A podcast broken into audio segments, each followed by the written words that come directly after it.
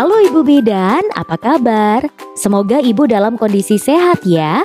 Selamat datang di Panisea Podcast yang dipersembahkan khusus untuk bidan Indonesia.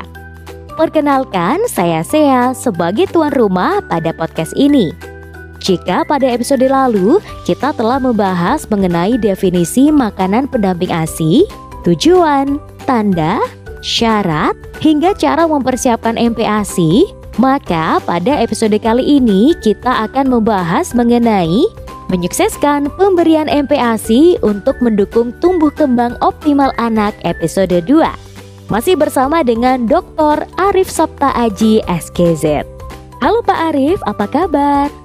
Halo saya, saya dalam kondisi baik. Halo juga Ibu Bidan, perkenalkan saya Arif Sabta Aji. Kegiatan sehari-hari saya saat ini sebagai nutrisionis dan dosen dengan spesifikasi interest saya di Maternal and Child Nutrition di Universitas Alma Ata, Yogyakarta. Wah, senang sekali bisa berinteraksi dengan Pak Arif. Nah, untuk mengawali podcast mengenai MPASI ini, kita mulai dengan pertanyaan dasar dulu ya Pak. Bahan makanan apa yang sebaiknya digunakan untuk MPASI ya? MPASI sebaiknya dari bahan makanan yang beragam ya, protein hewani dan nabati sudah boleh kok diberikan sejak usia 6 bulan. Tetapi harus dicuci dengan bersih dan diberikan dalam keadaan yang benar-benar matang. Terutama pada telur, daging, dan ikan. Bahan makanan seperti daging, ikan, telur, susu, kedelai, nasi, pasta, dan sayur-sayuran dapat ditumbuhi bakteri penyebab kontaminasi sehingga harus disimpan dengan benar.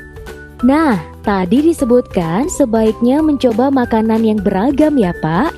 Tapi sering kali anaknya tidak mau mencoba makanan baru. Solusinya bagaimana ya? Tetap tawarkan selalu jenis-jenis makanan yang baru. Kadang-kadang makanan baru butuh ditawarkan 10-15 kali baru anak mau memakannya. Jadi, ibu-ibu tidak boleh menyerah ya untuk mengenalkan makanan baru pada anak itu. Sulit makan dan menolak makanan itu hal yang wajar terjadi pada anak sehingga orang tua perlu menyadari setiap proses pemberian makan tidak selalu lancar, tetapi ada ups and down-nya. Juga seperti pada bayi usia 7-8 bulan di mana anak mengalami masa pertumbuhan gigi. Pada saat tertentu, anak mungkin akan menolak dan tidak mau makan. Tetapi kita harus sabar dan terus menstimulasi mereka. Seperti yang kita ketahui, prinsip stimulasi adalah dengan memberikan treatment secara berulang atau kita memberikan dengan frekuensi yang sering. Selain itu, kita bisa juga dengan memodifikasi penyajian makanan. Sajikan jenis-jenis makanan baru bersama dengan makanan yang memang disukai oleh anak.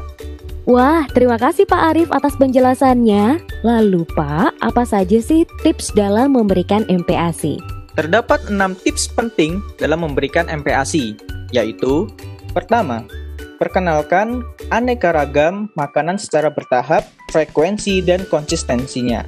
Pilih makanan yang hipoalergen. Yang kedua, makanan lokal dan juga makanan yang dimakan oleh ibu. Yang ketiga, perhatikan jumlah, jenis makanan yang beraneka ragam, kemudian jadwal makan yang teratur. Yang keempat, Jenis makanan yang masih baru diperkenalkan pagi hari untuk melihat reaksi alergi tersebut. Yang kelima, anak memerlukan adaptasi, sehingga ibu harus sabar dan jangan paksa bayi untuk menghabiskan makanannya. Yang keenam, berikan makanan mulai dari dua kali, lalu ditingkatkan hingga 3 sampai 4 kali. Selingan sebanyak 1 sampai 2 kali. Terkait dengan jadwal pemberian MPASI, apakah sama atau beda ya Pak antara anak yang berusia 6 dan 9 bulan? Tentu, terdapat perbedaan jadwal dan takaran pemberian MPASI antara anak yang berusia 6 bulan dan 9 bulan. Untuk anak dengan rentang usia 6 sampai 8 bulan, MPASI diberikan pada pagi hari sekitar pukul 6 sampai 7 berupa bubur susu atau pura 2-3 sendok makan. Makanan selingan pada jam 10 berupa buah seperti pisang, kemudian pukul 12 siang berupa bubur susu atau pura 2-3 sendok makan.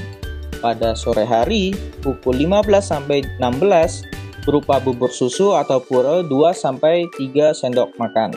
Lalu dilanjutkan dengan makanan selingan beserta pemberian ASI sesuai dengan keinginan.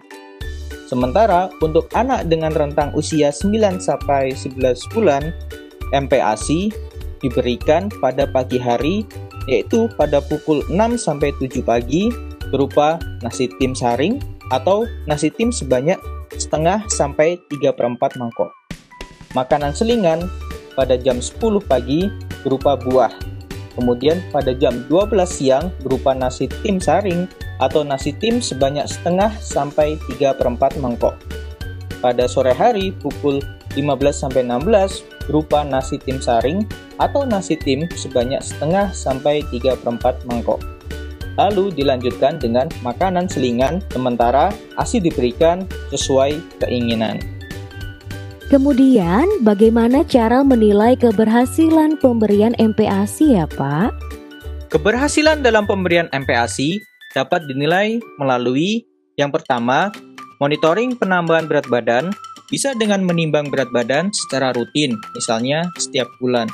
Yang kedua, penambahan panjang badan, misalnya dengan mengukur panjang badan anak secara rutin, misalnya tiap bulan. Yang ketiga, cek kurva pertumbuhan. Misalnya, cek laju pertumbuhan menggunakan kurva pertumbuhan. Yang keempat, perkembangan optimal. Misalnya, kemampuan berjalan, bersikap, berbicara sesuai dengan milestone perkembangan. Selain itu, kita juga harus cerdik jika menghadapi situasi di mana anak menolak makan. Salah satunya adalah ibu coba untuk tidak menyusui saat pagi, siang, dan sore. Kemudian, ketika bayi sudah lapar, kita berikan makanan dan disusul oleh pemberian ASI. Terima kasih Pak Arief untuk pemaparannya. Wah, nggak terasa ya, kita sudah ada di penghujung episode. Dari episode kita kali ini dapat disimpulkan bahwa yang pertama, MPASI sebaiknya berasal dari bahan makanan yang beragam, seperti protein hewani dan nabati yang sudah boleh diberikan sejak usia 6 bulan tetapi harus dicuci dengan bersih dan diberikan dalam keadaan benar-benar matang, terutama telur, daging, dan ikan. Yang kedua, solusi untuk anak yang tidak mau mencoba makanan baru adalah dengan menerapkan prinsip stimulasi, yaitu dengan memberikan treatment secara berulang atau frekuensi sering. Selain itu, juga bisa dengan modifikasi penyajian jenis-jenis makanan baru bersama dengan makanan yang disukai anak. Yang ketiga, ada pun beberapa tips penting dalam memberikan MPASI yaitu dengan memperkenalkan aneka ragam makanan secara bertahap frekuensi dan konsistensinya. Perhatikan jumlah, jenis makanan yang beraneka ragam, jadwal makan teratur, serta berikan makan mulai dari dua kali, lalu ditingkatkan hingga 3 sampai 4 kali dan selingan sebanyak 1 sampai 2 kali. Yang keempat, keberhasilan dalam pemberian MPASI dapat dinilai melalui penambahan berat badan, penambahan panjang badan, cek kurva pertumbuhan, serta perkembangan optimal dalam kemampuan berjalan, bersikap, berbicara sesuai dengan milestone perkembangan. Terima kasih untuk Pak Arief selaku narasumber kita yang telah meluangkan waktu untuk berbagi ilmu dan para ibu bidan yang sangat bersemangat untuk mendengarkan podcast hari ini. Sampai jumpa di episode Panisea Podcast selanjutnya. Panasea untuk bidan Indonesia.